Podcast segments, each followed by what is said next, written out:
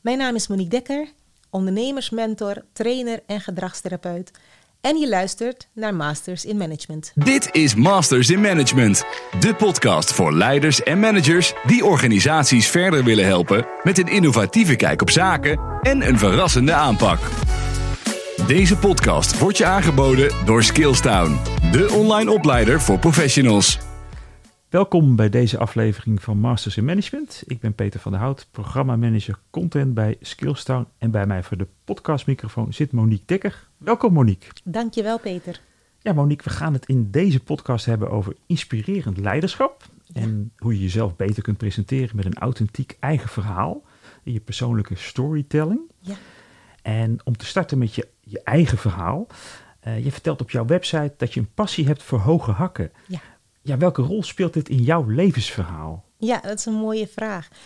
Hoge hakken, schoenen, die spelen inderdaad een hele belangrijke rol in mijn leven.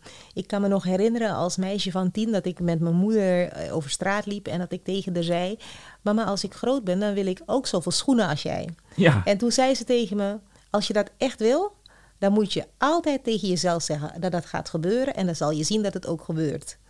En dertien jaar later had ik inderdaad heel veel schoenen beviel ik van een prachtige dochter, maar belandde na de bevalling in een rolstoel. En toen de arts tegen me zei: Je gaat waarschijnlijk niet meer lopen, toen was het eerste wat door me heen ging: En wat moet ik dan met al mijn schoenen?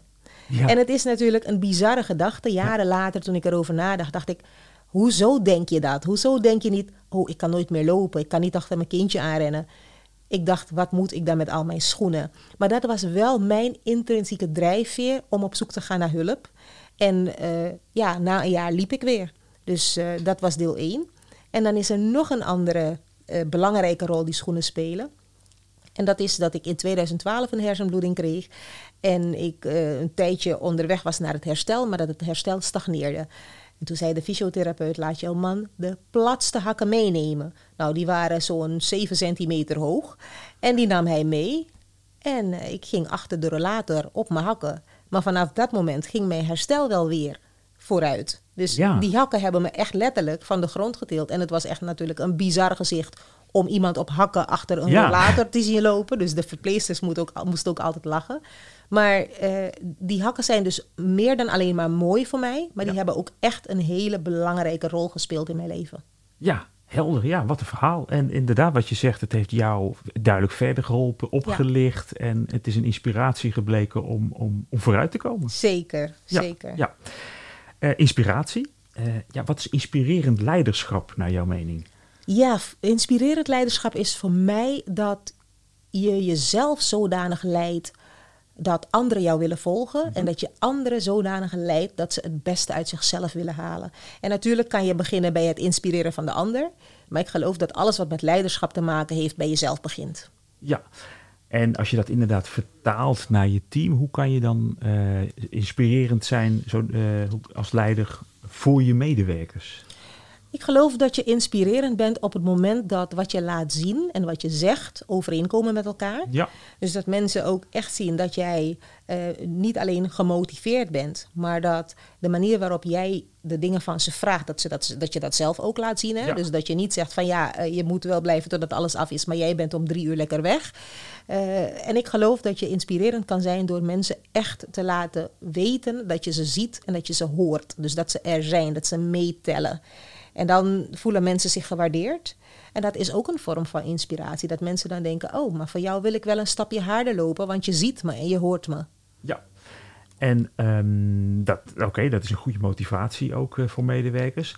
Wat levert dat de organisatie waar je in zit uiteindelijk op? Hoe werkt dat door? Nou, ik geloof dat mensen die geïnspireerd zijn, mensen die zich gewaardeerd voelen, gezien en gehoord voelen, ehm, wat ik al zeg, net dat extra stapje lopen, zonder dat je het vraagt, ook iets extra's willen geven, omdat ze ook echt de beste versie van zichzelf willen zijn. Ja, nou, dat ja. vertaalt zich naar de kwaliteit die ze leveren.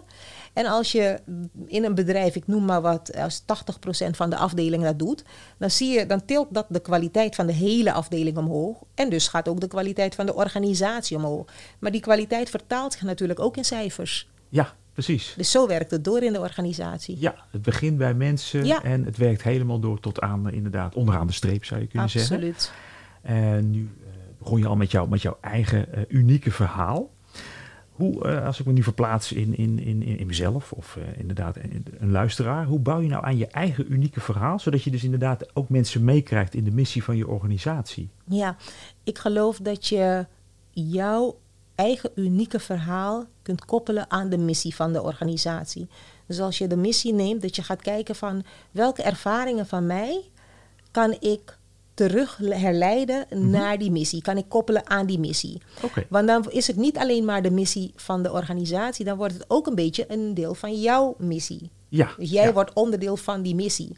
En als je dat kan overbrengen op jouw medewerkers, op jouw team, dan is die missie niet alleen maar van het bedrijf, maar dan voel je als persoon dat je ook echt onderdeel bent van die missie. Omdat jouw ervaringen passen in die missie. Ja, ja. Dus je moet echt op zoek naar een haakje in je eigen verhaal van waar raak ik ook de missie? Absoluut. En het is meer dan alleen maar eh, ik hou van cijfers, dus ik werk met cijfers. Of eh, ik hou van leiding geven, dus ik werk met mensen. Ja. Maar ga, ik, ik daag mensen altijd uit om echt nog eventjes iets verder naar binnen te gaan. En iedere keer de vraag te stellen, en wat betekent dat dan? Wat betekent dat dan voor mij? Wat betekent het voor mijn team? Wat betekent het voor de organisatie? Maar zeker iedere keer bij jezelf na te gaan van, wat betekent het voor mij? Ja, totdat je bij de kern echt Totdat je komt. bij de kern komt. Ja, bij het echte verhaal. Ja. En nu, je, je traint in, in, in de praktijk ook veel eh, mensen, ook op C-level. Ja. Ehm, als, je, als je kijkt wat je dan eh, meemaakt, hoe, hoe, kun, je, kun je daar ook voorbeelden van noemen hoe dat dan werkt eh, bij dat soort mensen? Ja, eh, een van de dingen die heel erg in mijn eigen leven de rode draad vormt, zeg maar, dat is eh, altijd op zoek gaan naar groei. Bij mezelf. ja. Hè? Ik, ik wil altijd weten van wat heb ik nog meer in me? Wat kan ik nog meer? Eh, hoe kan ik dat eh, ja, uitpluizen, vinden? Hoe kan ik naar mijn eigen next level? En dat is iets wat ik zelf ook altijd heb gedaan eh, tijdens mijn tijd van leiding geven, 20 jaar lang. Bij mijn medewerkers, bij mijn team. Ja, ja. Altijd op zoek gaan naar, oké, je zit hier wel, maar waarom zit je hier? Waarom op deze functie? Wat wil je hierna? En als ze zelf dachten van, nou, ik, ik weet het niet of ik zit hier wel goed, ging toch even graven. Van, maar welke ambities heb je? Eh, Waar zie je jezelf over vijf jaar? Ben je dan nog steeds hetzelfde aan, het doen? Dus continu op zoek gaan naar de groei. Niet alleen bij mezelf, maar ook bij mijn team. Want daardoor til je het geheel een stapje hoger. Ja, oké. Ja, want je hebt zelf inderdaad ook lange tijd leiding gegeven. Dus Ja, ik jij- heb twintig jaar leiding gegeven, eh, eigenlijk aan alle niveaus. Van werk, of schoolverlaters tot aan universitair opgeleide eh, mensen. En dat betekende, soms zaten ze allemaal in, op één afdeling. Ja, en dan moest ja. je heel erg schakelen. Dus dan is het ontzettend belangrijk om daartussen nog jezelf te blijven en je eigen verhaal goed te kennen.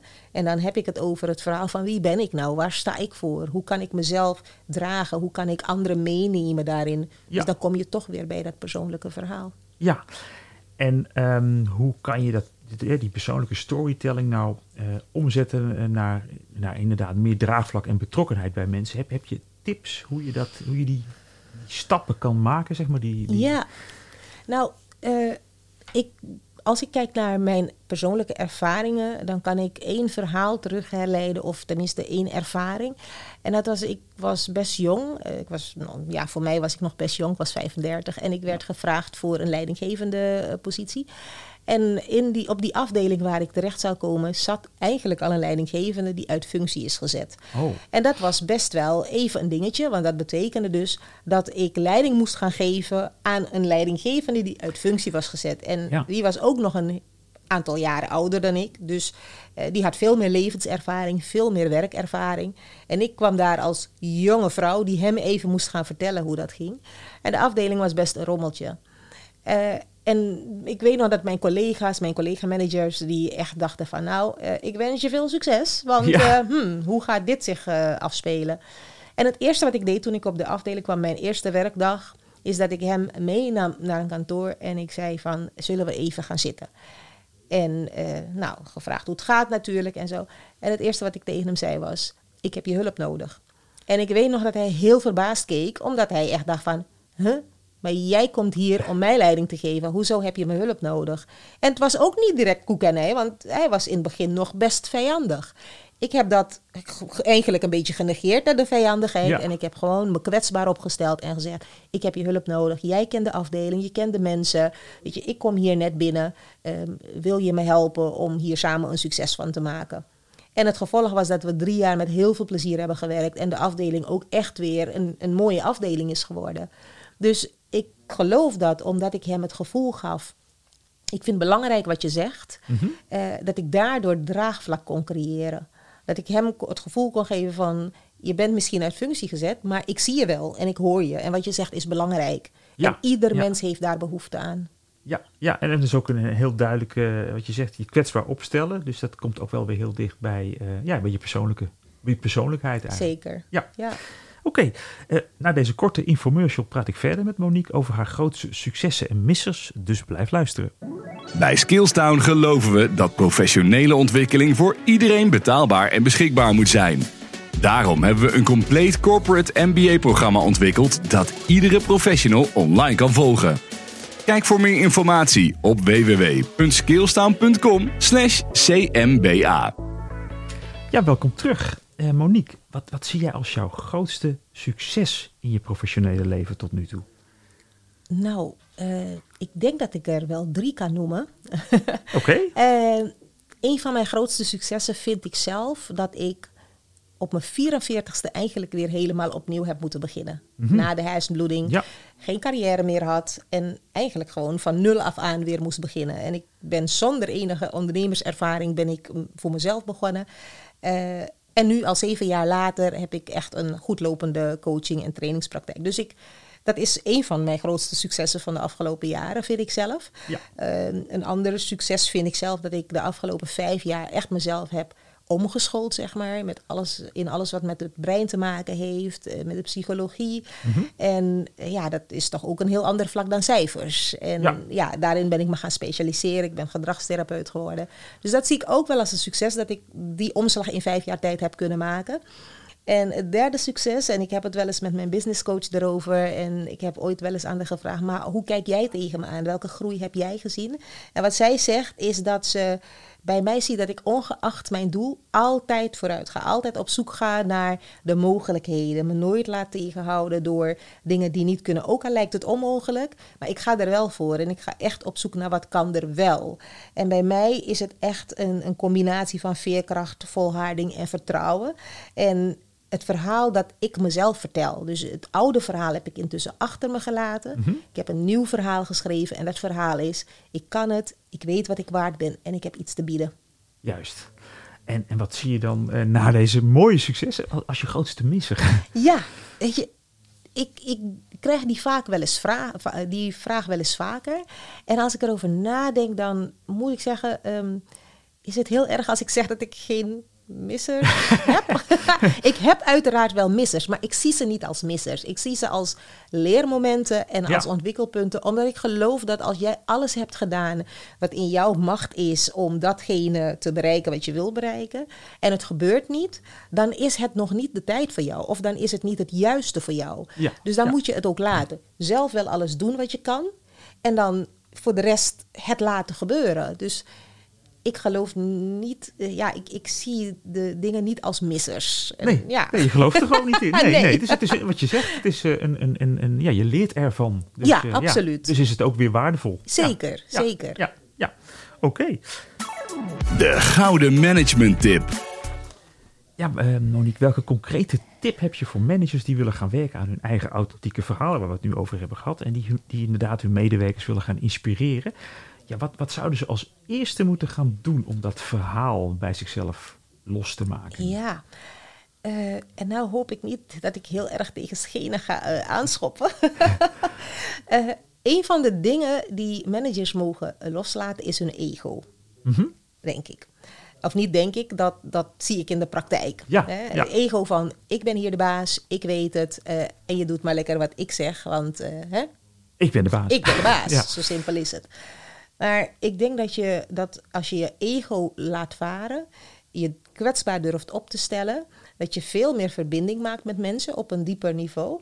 En eh, wat ze nog meer mogen doen, is eigenlijk nog een grondige zelfreflectie, zelfonderzoek. Om echt te ontdekken wie ze echt zijn van binnen, dicht bij zichzelf te komen en om te ontdekken of hoe zij zichzelf zien ook klopt met wat anderen van ze zien. Hmm, Dat vind ik ook een belangrijke, want ze hebben vaak zelf een beeld hè, Ja. van eh, dit is hoe ik functioneer en hoe ik overkom. Maar als je aan het team vraagt of aan medewerkers, is dat vaak niet hoe ze hun managers zien. Dus het is een interessante om te gaan kijken bij jezelf van, is wat ik uitstraal, klopt dat met wat ik wil uitstralen en wat met, met wat mensen zien. Ja, nou, het lijkt me een hele duidelijke opdracht en een goede tip om meteen mee aan de gang te gaan. Ja, dankjewel Monique eh, voor jouw inspirerende kijk op leiderschap en storytelling. Graag gedaan. En ben jij nou op zoek naar nog veel meer kennis en inspiratie voor managers? Dan kun je terecht op het online kennisplatform van Skillstown. Kijk daarvoor op skillstown.com slash cmba. En hiermee zijn we bijna aan het einde van deze podcast. Wil je reageren op deze aflevering of heb je suggesties voor gasten? Laat dan je review achter op je favoriete podcast app of stuur een mail naar podcast.skillstown.com. Bedankt voor het luisteren en tot de volgende aflevering van Masters in Management.